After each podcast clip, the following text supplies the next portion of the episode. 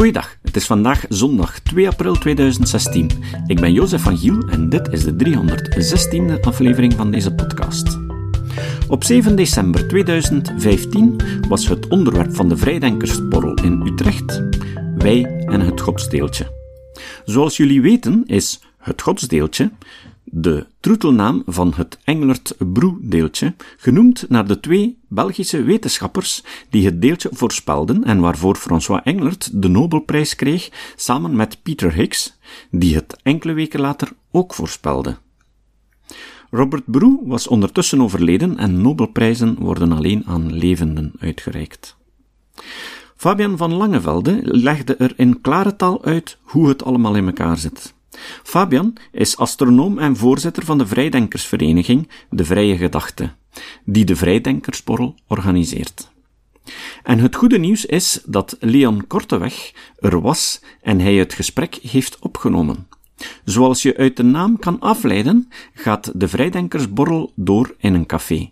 Bij gevolg hoor je hier en daar wat achtergrondlawaai van glazen en tassen klinken. Maar al bij al is de opname vrij goed te begrijpen. Vandaag horen jullie het tweede deel. En de vraag was: wat in godsnaam is het antropisch principe? Wij en het godsdeeltje. En daarom staat hier het antropisch principe. Dan is er niemand om daarover te klagen.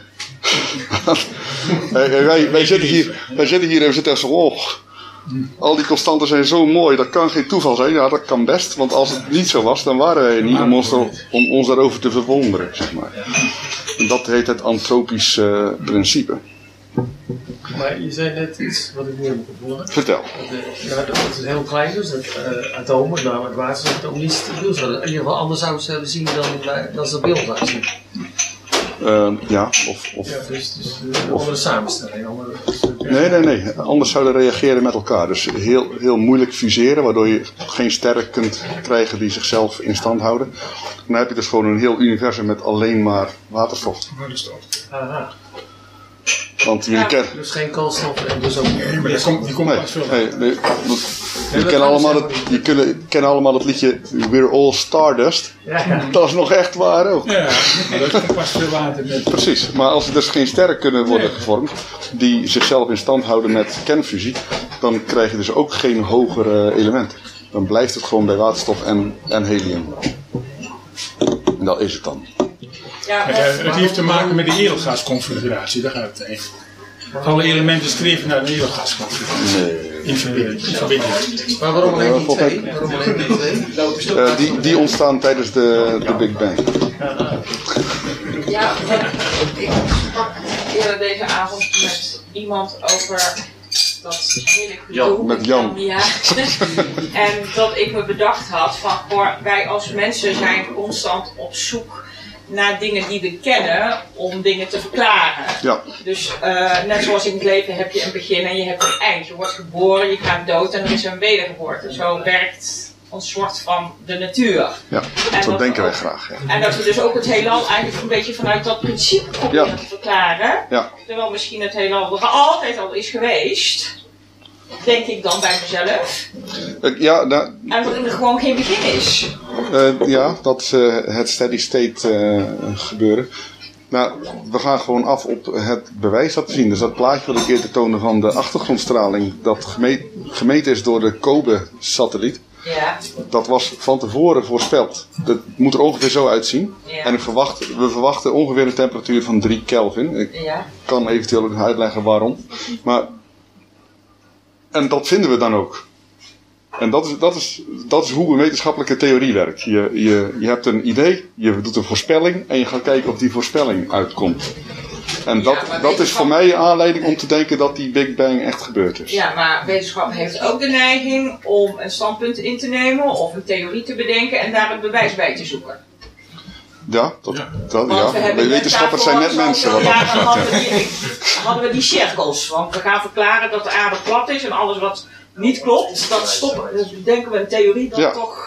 Totdat er iemand komt met een betere theorie, namelijk Ja, als we de zon nou in het midden zetten. Nou, ik blijf sceptisch dus. Ja, nee, dat, Ja, dat, nee, nee, en dat mag, dat mag. Maar is dat de vraag, is dat Dat- wetenschap? dat is vertrekt vanuit het kader van één boek. Alles wat er binnenvalt mag je gebruiken. Ik dat ik mezelf probeer juist altijd helemaal naar buiten te kijken.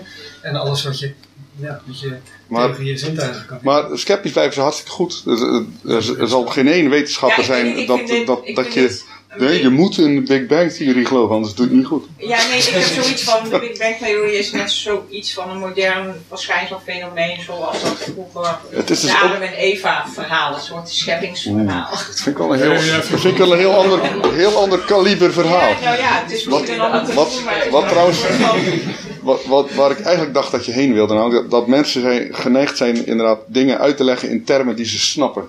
Ik dacht dat je daarheen Ja, wilde. nee, dat want, ik ook. want de, de Big Bang Theory en de inflatie en zo, dat is, en daar zit heel veel kwantummechanica bij, dat is gewoon heel erg ingewikkeld en lijkt op helemaal niets wat je in het dagelijks leven tegenkomt. En toch is het, eh, en daarom is het voor veel mensen niet zo acceptabel, omdat ze het niet meteen snappen. Het is niet gevoelsmatig een hele logische verklaring. Het is gewoon alleen een verklaring die voorspellingen doet, die vervolgens weer uitkomen. En daarom is het wat mij betreft een, een, een gezonde eh, theorie. Maar het is een theorie. Eh, ik, we hebben aanwijzingen, maar bewijs vind ik een beetje groot.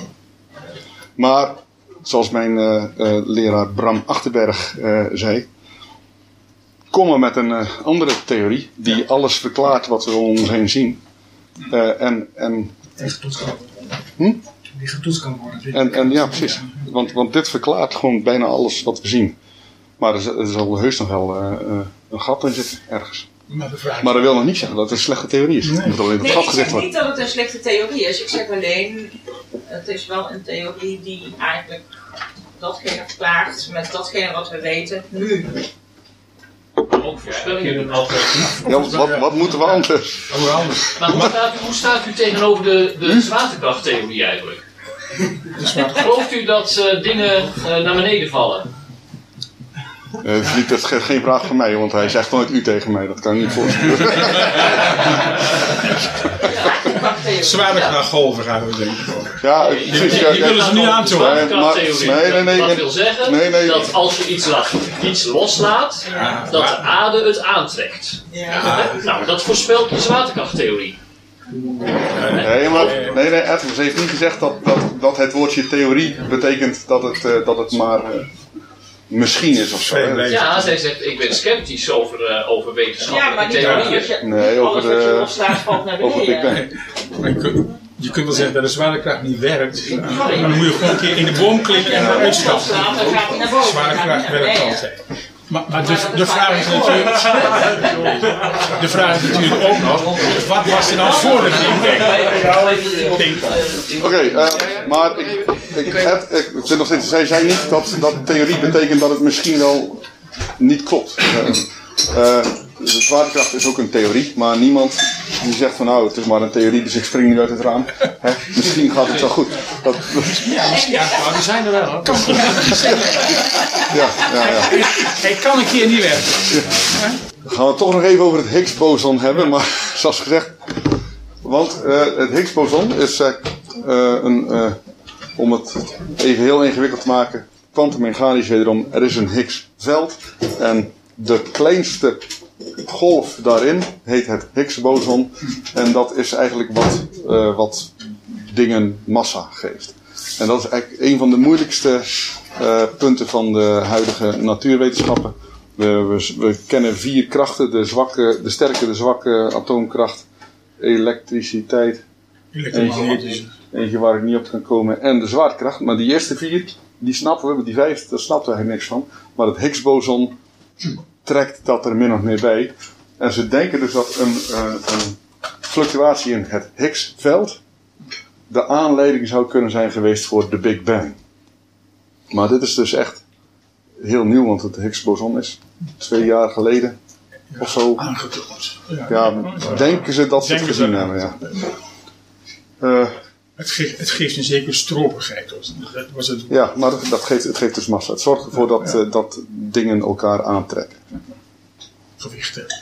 En nou, Massa is nou dan.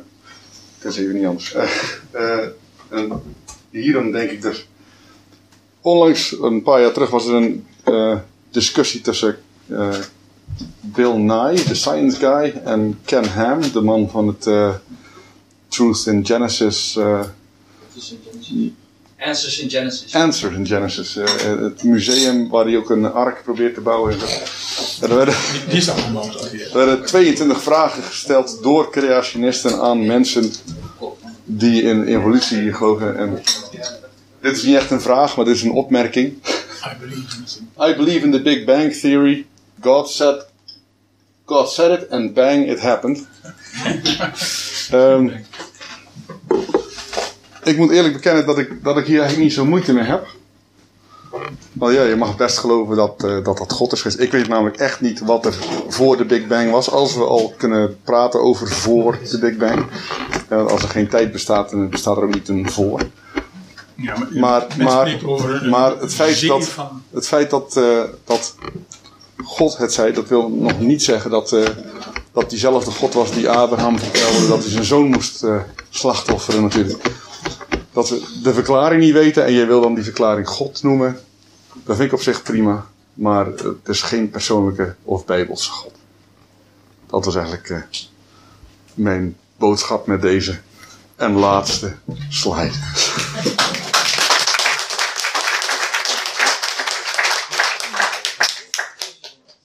Ja, zijn er nog vragen dan eigenlijk eh, nog? We zijn al geweest, maar misschien dat dat een... eh, nee, er is er eentje. Ik heb ook nog een vraag. Nou, dat is geen vraag. Eh, er was een vraag, ehm, hoe kunnen wij nou weten of de sterren zonnen zijn, of wel of de zon een ster is? Ik heb het antwoord daarop niet gehoord, maar het is een kwestie van waarneming.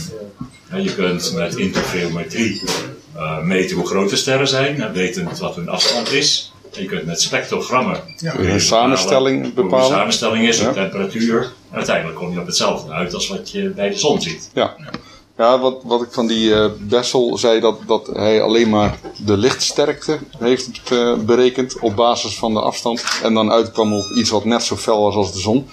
Maar ja, de samenstelling aan de hand van spectraallijnen eh, kun je ook samenstellen. En dan zul je ook zien dat eerste generatie sterren een andere samenstelling hebben dan eh, tweede of derde generatie sterren.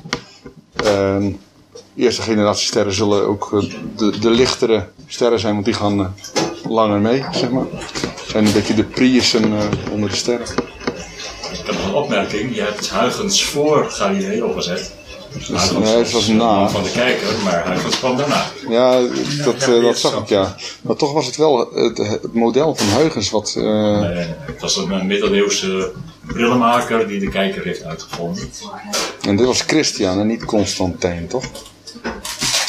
Ik heb toevallig net een boekje gelezen over Huygens. Nee, Oké, maar, maar Huygens heeft... Nou, ja, maar niet uit. later met eigen grote kijkers gekomen. Oké. Gefinancierd door de Franse koning. Maar dit is nou Ja, ik heb nog wel een vraagje. Doe eens. Kun je iets vertellen over eh spaghettificatie, oftewel het noedeleffect? Nee. Als je het helemaal niks ik wel iets, doen. Maar eigenlijk een vraag is anders namelijk. Als het gaat om hele zware sterren, die aan het einde van hun leeftijd zitten, die, die schijnen dan te imploderen, die eigen zwaartekracht als zij in elkaar vallen. En de hele zwaar die, ontwikkelen dan een soort zwart gat. Maar wat is nou zeg maar de, de kern van dat zwarte gat? Als dat nou inderdaad een soort oneindige kleine inge- ingeprekte massa is. Nu, nu snap ik waar je... eh, Kan het dan, kan het dan verwijzen naar, ja precies, dat heeft daarmee te maken. Kan het dan naar een ander heelal gaan of is het een kwestie van, ja, je, je, knalt gewoon tegen, tegen die massa aan en that's it. Want ze hebben het ook vaak over wormholes, maar ik zie nog niet helemaal in hoe je via de relatie tussen een wormhole en een zwart gat aanlegt. Nou, nou, nou gaan we dus praten over eh, eh, massa's en de kromming van de ruimte-tijd. En het probleem is, dan, dan praten we in vier dimensies en dat vinden mensen maar heel moeilijk. Dus we, we slaan het even plat. Hè, de ruimte-tijd is, is zeg maar een, eh, een rubber, rubber vel. En een massa is gewoon echt gewoon een, een, een, zeg een, een kogel of zo. Een zware metalen kogel. Die laat je op dat rubberen vel vallen en dan trekt hij er zo'n put in. En dat betekent als jij eh, over dat vel rolt en je, en je rolt langs de rand van die put, dan buig je af door die put. Dat is zeg maar hetzelfde afbuigen dat je ziet om massa's heen. Als je een zwart gat hebt, dan, dan ontstaat er een zogenaamde singulariteit. Dat is nou een put die oneindig diep is. En als je daar dus als massa langs gaat, maar zelfs als licht, want, want licht, licht moet ook gewoon via dat rubberen vel reizen, zeg maar, kan, het licht kan ook niet meer uit eh, die put ontsnappen. Maar wat is dan zeg maar het idee? Maar wat er aan, dus- wat er aan de onderkant, Ja, aan de bodem van de put zit, dat- daar zou je Stephen Hawking misschien even moeten bellen, ik heb geen idee. Maar het idee dat je als het ware dus via zo'n punt in een ander erg op Ja. plek kan komen. Dat, Nou, het, is- het idee daarvan is, het idee daarvan is dat, want ik, nee, spaghettificatie is als je, als je in de buurt van een zwart gat komt en je, dan zijn je voeten zoveel dichterbij dan, dan je hoofd dat je voeten en je hoofd heel uit elkaar worden getrokken. Ehm, ik denk niet dat iemand dat ooit na zal kunnen vertellen, dus dat gaan we ook niet. eh, ik verwacht geen verhalen daarover. Eh, maar die, worm, die wormhole is, dat je als je eh, dat rubberen vel van net, zeg maar zo. Want we doen er net of het plat is, maar als dat een bol is, en je maakt er een put in, dan zou die aan de andere kant van die bol misschien weer naar buiten kunnen komen. En dan krijg je dus een verbinding. En als je, je, je bol is dan ineens wat dan heet een torus. Ja, maar een soort binnenband, weet je wel.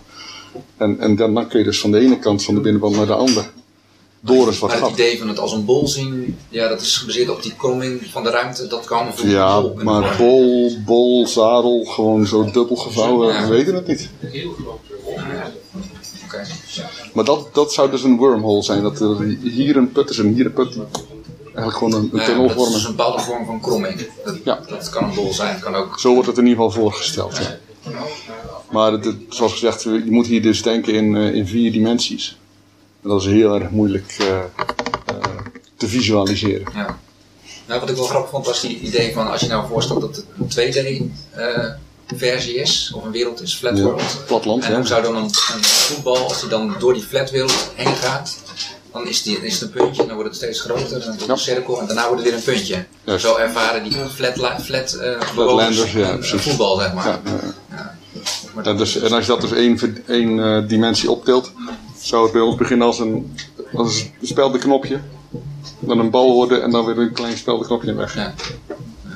En dat is dan gewoon een 4D-object dat door een 3D-wereld heen komt. Zeg. Ehm, Niemand? Oh, nog eentje. Theorie. Dat is, eh kan je wat vertellen over uh, Hawkingstraling? Over?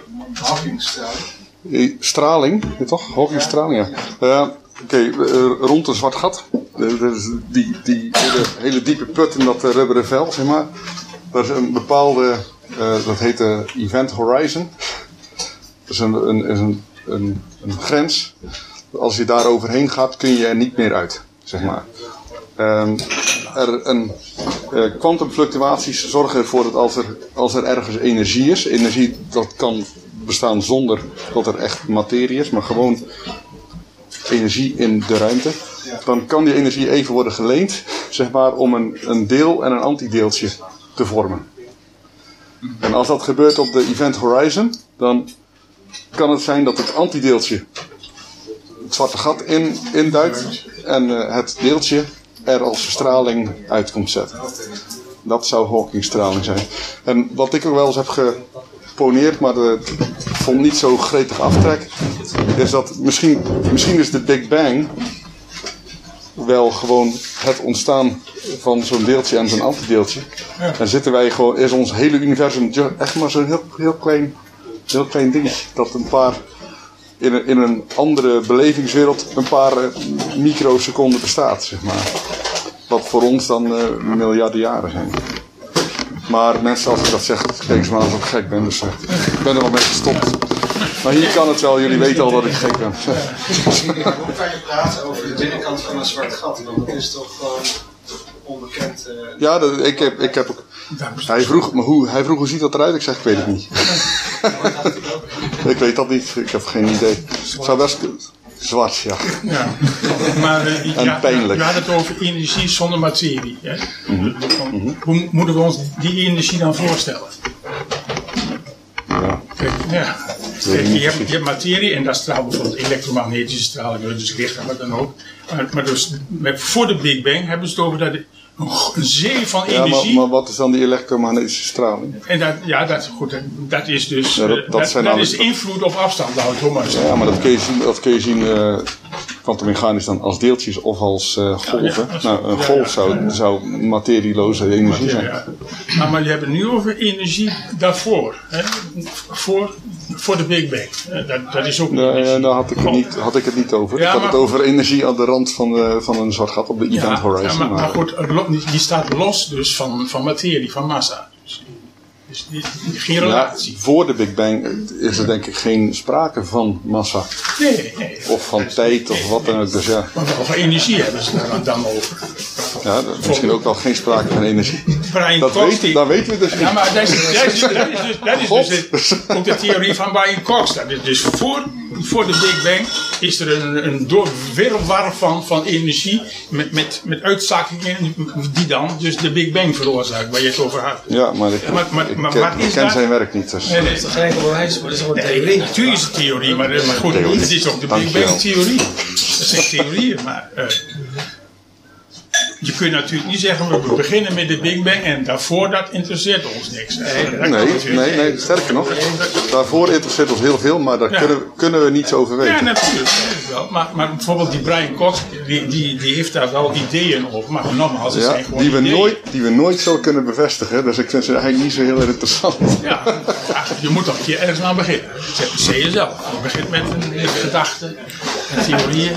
Hoe, hoe plausibel vind jij de Big Bang theorie? Gewoon zelf? Want het is natuurlijk Eh, volledig. Ja. Nog één vraag daarachterin. Is de Big Bang niet gewoon een zwart gat dat ontploft is? Weet ik niet. Maar er in, zou, zou het kunnen wezen?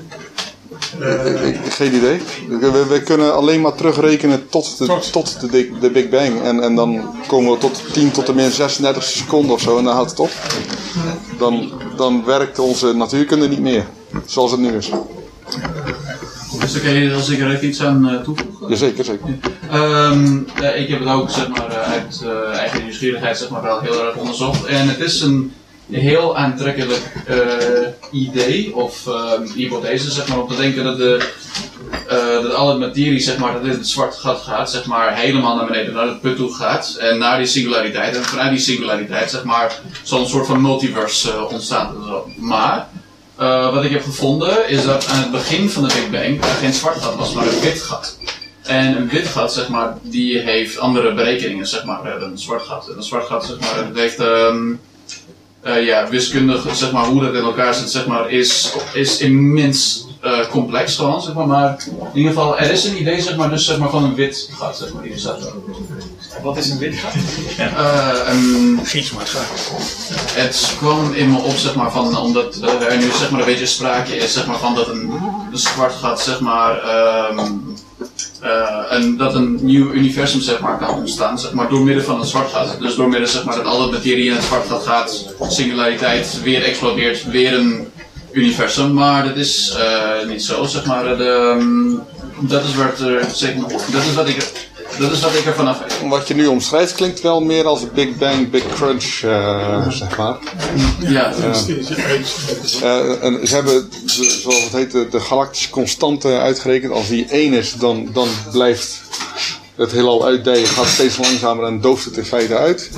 Als het groter is dan 1, dan gaat, gaat het steeds sneller. Dan dooft het er ook uit. En als het kleiner is dan 1, dan Gaat het weer terug. valt het, col- collapst het uiteindelijk weer, maar. eh, stort het weer in elkaar en dan krijg je de Big Crunch. Eh, en welke van de drie opties nou het meest aantrekkelijk is, maakt niet zo heel veel uit, want wij zijn er toch niet bij. Maar, eh, maar dat, dat, ik zou dat niet een zwart gat willen noemen, want wat, wat, er, wat er was bij de oerknal, weten we, weten we niet, maar zwarte gaten komen gewoon voor. Die, die, die zien we nu. Het is niet, niet gezegd dat, dat zeg maar, het, het protoatoom, zoals het ook wel eens wordt genoemd, eh, eh, een zwart gat was of zo. Ik zal nog even een soort afsluitende vraag stellen. Naar aanleiding een beetje van de intro op, eh, op de website en zo. Dat ik me afvroeg, ja, je kan dus constateren van als je dus dat begin niet goed weet, maar je weet wel, goh, er is geen aanwijzing voor een intelligentie, voor een plan, een doel. Eh, je, en net zoals in de evolutietheorie, het lijkt allemaal eh, doelloos te zijn. Eh, als, je dat, als je dat wereldbeeld hebt, hoe zou je dan zelf, eh, als, je met je, als, als je met een levensbeschouwing bezig bent, hoe, hoe, hoe, eh, vul je dat voor jezelf dan in, zeg maar, in zo'n zo'n wetenschappelijk wereldbeeld? Omdat je dan, ja, je hebt zoiets ja, er is, er is geen doel. Dus wat, wat betekent dat voor mij, zeg maar, met, die gro- met de vragen die je hebt? Ik, ik heb ook al hele, hele discussies gehad over of, of atheïsme nou een wereldbeeld is of een levensbeschouwing. en dat, daar, ik, ik denk dat atheïsme een wereldbeeld is. En hoe jij je leven vervolgens invult, dat is, dat is meer humanisme. En dat is eh, eh, ja, gebaseerd op, op zelf gelukkig zijn en mensen om je heen gelukkig maken. En, en, en geen, geen leed veroorzaken, maar eh, het heeft verder weinig te maken met hoe je hier precies bent gekomen. Ik, ik ben nog steeds van zins dat het heelal eh, geen doel heeft. Maar dat wil niet zeggen dat ik dus maar alles kan doen. Ja. Dus, eh, Het idee van, door die doelloosheid krijg je een soort van vrijheid om dus dat zelf dan vervolgens inderdaad Precies, te vullen, ja, zoals je wil. ja. Ja. Oké, nou dat is een mooi einde denk ik. Eh, nog even een uh, applausje zou ik dan zeggen voor de mooie tekst. En natuurlijk, en, natuurlijk mijn lieftallige assistent. Ehm, ik wil nog even als afsluiting nog even zeggen dat wij volgende maand hebben we weer, natuurlijk weer een vrijheidsborrel. Dat is eh, uit mijn hoofd, ik dacht, Het citaat. Het citaat van vandaag komt van Carl Sagan. Sagan zei: Wetenschap is meer dan enkel een hoop kennis. Het is een manier van denken, een manier van sceptisch ondervragen van het universum. Als we niet in staat zijn om sceptische vragen te stellen, om de autoriteiten te ondervragen die ons zeggen dat iets waar is, dan zijn we een prooi voor de eerstvolgende politieke of religieuze charlatan. Tot de volgende keer. Deze podcast is het resultaat van het werk van veel mensen. Rick de Laat verbetert bijna al mijn teksten en maakt de meeste vertalingen. Emiel Dingemans verzorgt onze website en Facebookpagina. Ook Leon Korteweg en Stefan Sutens schrijven, vertalen of verbeteren soms artikelen. Leon onderhoudt bovendien het YouTube-kanaal van deze podcast. De muziek van de intro en de trailer heeft Nick Lucassen geschreven en soms maken we ook gebruik van muziek van Ad van Nederpelt, die ons zijn prachtige composities ter beschikking stelt. Dit was de podcast Kritisch Denken. Vergeet niet om alles kritisch te behandelen, ook deze podcast. Voor verdere informatie over deze podcast, links en voor de tekst, surf naar www.kritischdenken.info. Als je deze podcast belangrijk vindt, kun je me steunen door anderen warm te maken ook eens te luisteren. Stuur een e-mail naar vrienden met een link naar de website en plaats de link in de handtekening van je e-mails. Tevens kun je op iTunes deze podcast een beoordeling geven of een recensie schrijven. Of je kan op je eigen website of blog een link naar kritisch denken plaatsen.